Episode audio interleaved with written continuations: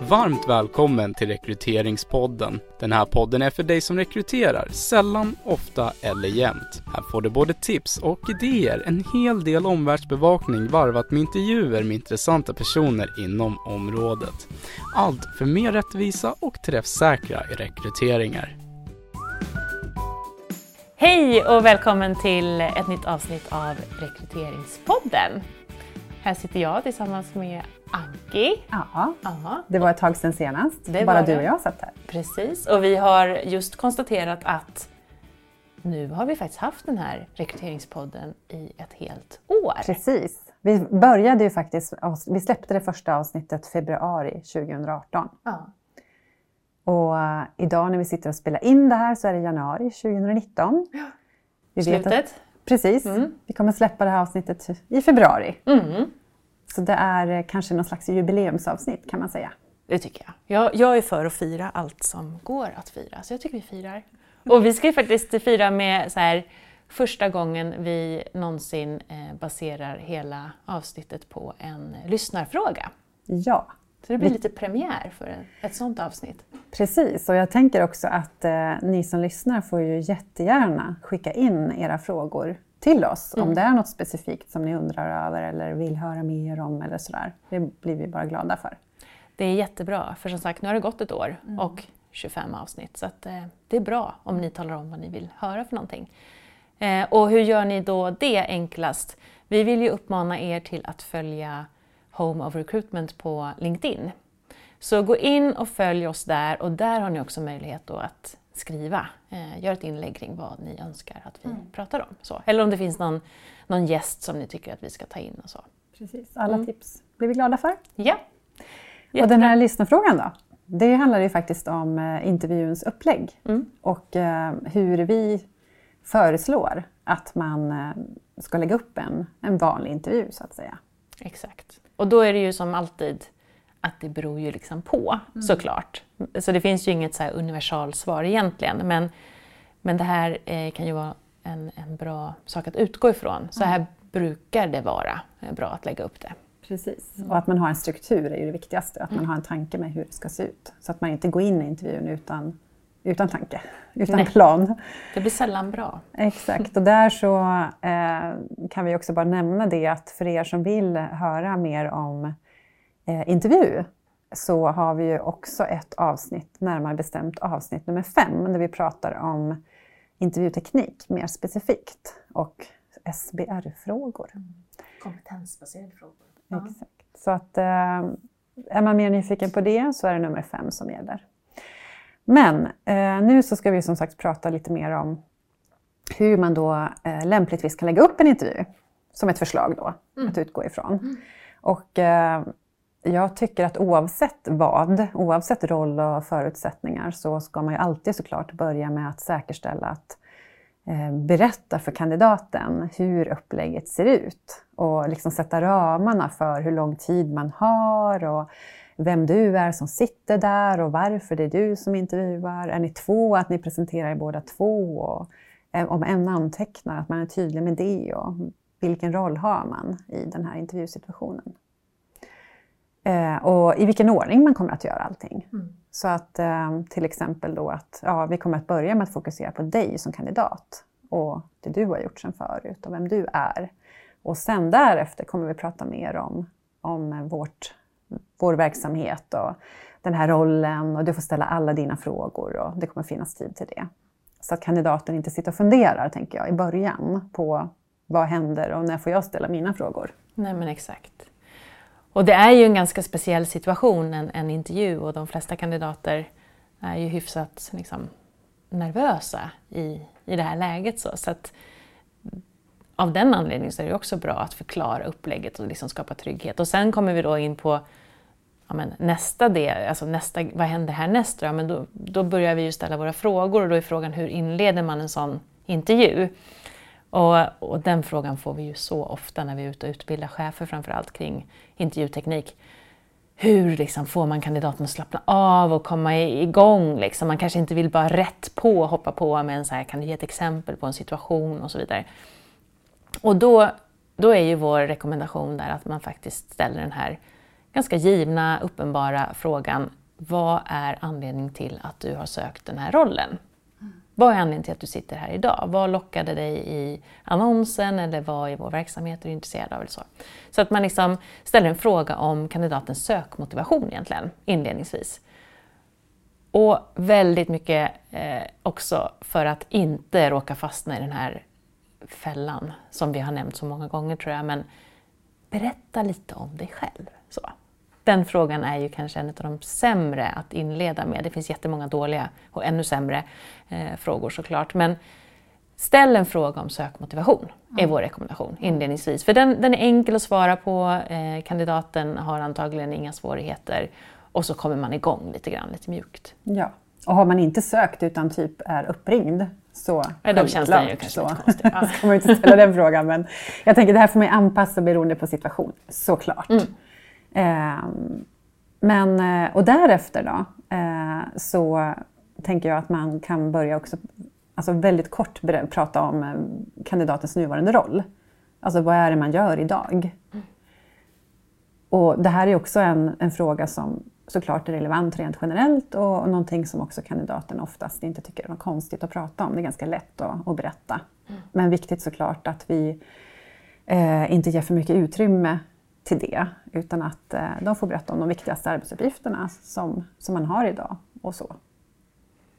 Precis, och sen beror det ju på som sagt vilken kravprofil vi sitter med. Det kan ju vara så att det finns väldigt liksom, mycket krav kring just formella kompetenser. Men då får vi börja ställa eh, frågor, eh, kompetensbaserade frågor kring ja, men, när har du haft nytta av den här systemkunskapen exempelvis? Eller när har du nytta av den erfarenhet du har från den här branschen eller vad det nu kan vara för någonting.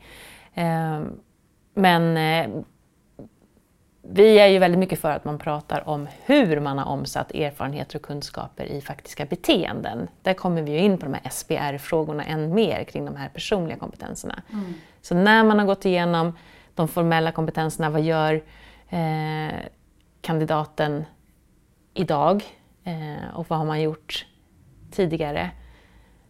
Så vänta inte för länge med att börja ställa frågor om hur, för då får man ju också väldigt mycket kött på benen kring de formella mm. kompetenserna. Allting, allt det som tas upp kommer ju från tidigare arbetsliv. Mm. Och vi kanske ska förtydliga det att när vi pratar om formella kompetenser så, för det kan ju vara att man har olika begrepp i olika ja, verksamheter. Absolut. Och sådär. Mm. Men det är ju de här mer eh, alltså kunskaper och erfarenheter. Eh, och eh, det kan ju vara då till exempel att du har jobbat i ett visst system eller gjort en viss arbetsuppgift eller något liknande. Eh, och det som då står i kravprofilen, det ska vi ju fråga om. Så att vi ska inte gå igenom hela CVt, vilket är ett som jag har hört i varje fall, ganska vanligt misstag. Mm. Att man går igenom eh, position efter position efter position. Eh, och sen har det plötsligt gått 45 minuter och sen så hinner man ingenting mer. Nej. Utan att man fokuserar här på eh, vad är det vi har sagt i kravprofilen är viktigt och det är det vi frågar om. Och vi fokuserar på hur har man då genomfört den här arbetsuppgiften till mm. exempel. Mm. och sen då som du sa så kommer man in på de här mer personliga kompetenserna. Eh, och eh, då, samma sak där. Samarbetsförmåga eller vad vi nu har identifierat som viktigt i kravprofilen. Flexibel, ja. Mm. Att vi ställer frågor om det i nästa steg. Mm. Exakt. Och här är det ju så att vi tycker ju att man ska ställa såklart samma frågor till alla kandidater i eh, samma rekryteringsprocess. Eh, och, men vi vill också understryka att när man ställer den här typen av kompetensbaserade frågor så behöver man ju först och främst, alltså det absolut viktigaste är ju att man lyssnar aktivt för att man också ska kunna ställa rätt följdfrågor. Det gäller både formella kompetenser och personliga kompetenser. Mm. Så att vi kan inte sitta där som robotar och liksom läsa till bara exakt vad som står i våra papper utan vi måste lyssna aktivt. Mm. Eh, så att det blir ju därmed en semistrukturerad intervjuteknik. Kan man ja, säga. exakt. Eh, och där eh, så är det ju kanske tre, fyra personliga kompetenser mm. vanligtvis. Mm. Eh, och det tar ju lite tid. Mm. Så att eh, när man är klar med dem eh, så är det ju faktiskt inte liksom fler frågor till kandidaten utan utifrån kravprofilen. För då har vi täckt alla områden i kravprofilen. Och därefter så går vi ju egentligen in och eh, berättar om tjänsten mm. och om oss och ja, hur det är att jobba här och så vidare.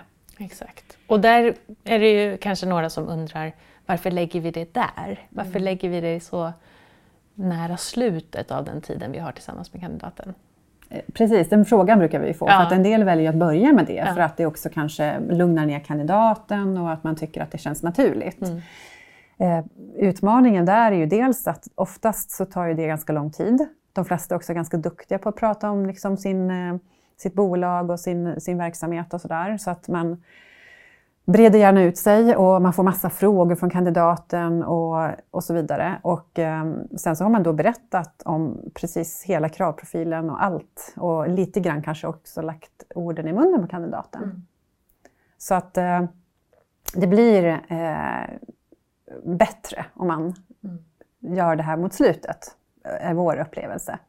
Och även för kandidaten skulle jag säga, allt som oftast i alla fall, för när man går på en intervju då är man ganska så taggad på att nu ska man liksom säga de här sakerna som man har tänkt att man ska säga och verkligen få fram sin kompetens. Så jag är rädd också att ger man den här informationen tidigt under mötet så kanske det liksom lite grann bara svischar förbi för man har inte möjlighet liksom att, att ta in det när man Nej. sitter lite så på nålar för att... Man är mer fokuserad på ja. vad man själv ska säga. Ja. Mm. Precis. Precis. ungefär som man går runt, eller jag, inte man, man går runt och tar folk i hand sådär och man är så fokuserad på att jag heter Josefin. glömmer. jag, jag, glömmer vad, vad folk säger att de heter. Eh, så så att, eh, av den anledningen ja, också tänker jag att man jättebra. lägger det mot slutet. En bra poäng. Eh, och sen så när man har berättat då eh, om tjänsten så tycker jag också att det är väldigt bra om man eh, när man lägger fram då vissa förutsättningar, det kan ju vara allt ifrån att det är helgarbete eller det är ett antal resor per månad eller vad det nu kan vara. Eh, vilket sannolikt såklart kandidaten känner till. Men det är bra att i det här läget då verkligen säkerställa att det här fungerar för kandidaten.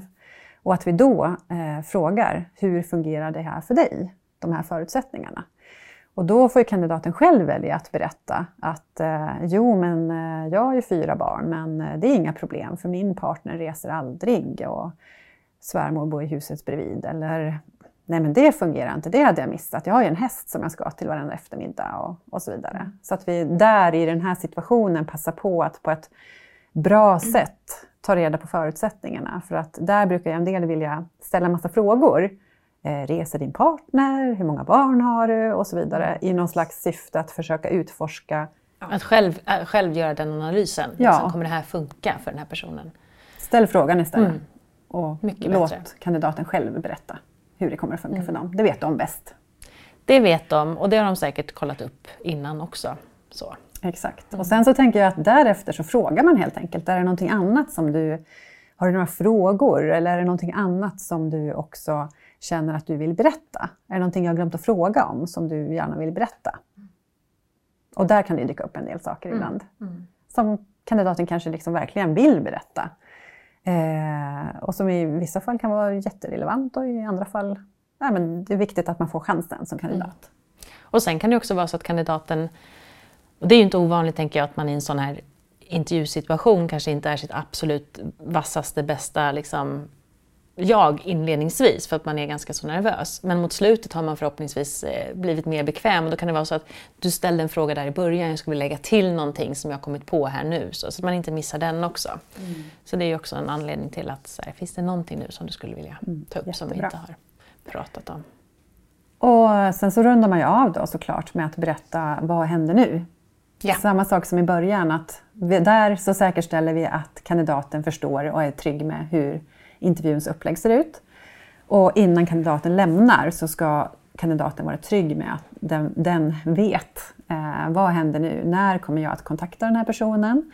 När kommer, hur ser processen ut om personen går vidare? Vad är det som kommer att förväntas då? Mm. Är det fler intervjuer? Är det bakgrundskontroller? Är det referenstagning? Eller vad händer? Mm. Så att man är väldigt tydlig med det. Och även tänker jag att man kan berätta om vissa datum. För att det kan ju vara så att vissa datum är helt avgörande, att kandidaten faktiskt finns på plats. Och att man eh, säkrar dem redan nu med, med kandidaten. Mm. Så att man... Och om inte helt avgörande så åtminstone att det underlättar processen ja. framåt. Att man liksom kan du kanske redan nu preliminärboka de här ja. tiderna i din kalender. För då kommer den här personen vilja, i det fall att du går vidare, träffa dig också. Så. Ja, men jättebra. Ehm, och sen att man tackar precis. Tack för att du kom, tack för din tid eh, och vi återkommer. Så. Och har man gjort det här då på ett bra sätt eh, så är det också antagligen i slutet av det här mötet väldigt mycket tydligare för kandidaten vad rollen går ut på, vilka krav som ställs, både formella men även liksom, aha, de ställer mycket frågor om samarbete och dessutom verkar det vara ganska mycket fokus på det här med service. Så, ja, men då kan man ganska enkelt räkna ut att det är det som, som jobbet väldigt mycket går ut på. Så det är också för kandidatupplevelsen viktigt att man håller sin struktur. Ja, och jag tror att vi glömde säga det, men precis där i slutet också när vi liksom, eh, berättar om tjänsten och så, där så behöver vi också avrunda tänker jag med det här med lönedelen, om man inte redan har pratat om det kanske över telefon, vilket en del väljer att göra. Mm. Men att man där tar upp löneanspråk och när är du tillgänglig och de här mm. praktiska sakerna. Mm. Så. Precis. Eh, vi eh, är lite nördiga inom området så, eh, så pass att vi till och med faktiskt har skrivit en bok om det här. Jag tänker jag ska bara, lite reklampaus här då, men bara nämna det att det, vi har ju skrivit en hel bok som handlar om rekrytering och eh, väldigt mycket i den boken handlar om både intervjuteknik men också strukturen på mm. intervjun. Så. Där får man många tips. Mm. Rekryteringsboken för chefer. Mm. Bra! Då så! Det var nog, jag hoppas att eh, du kära lyssnare som ställde den här frågan känner att du fick svar och ni andra också. Och som sagt, eh, hör gärna av er med fler frågor. Det är bara jättevälkommet och uppskattat. Jajamän. Bra. Kul! Tack för idag! Tack, tack! Hejdå!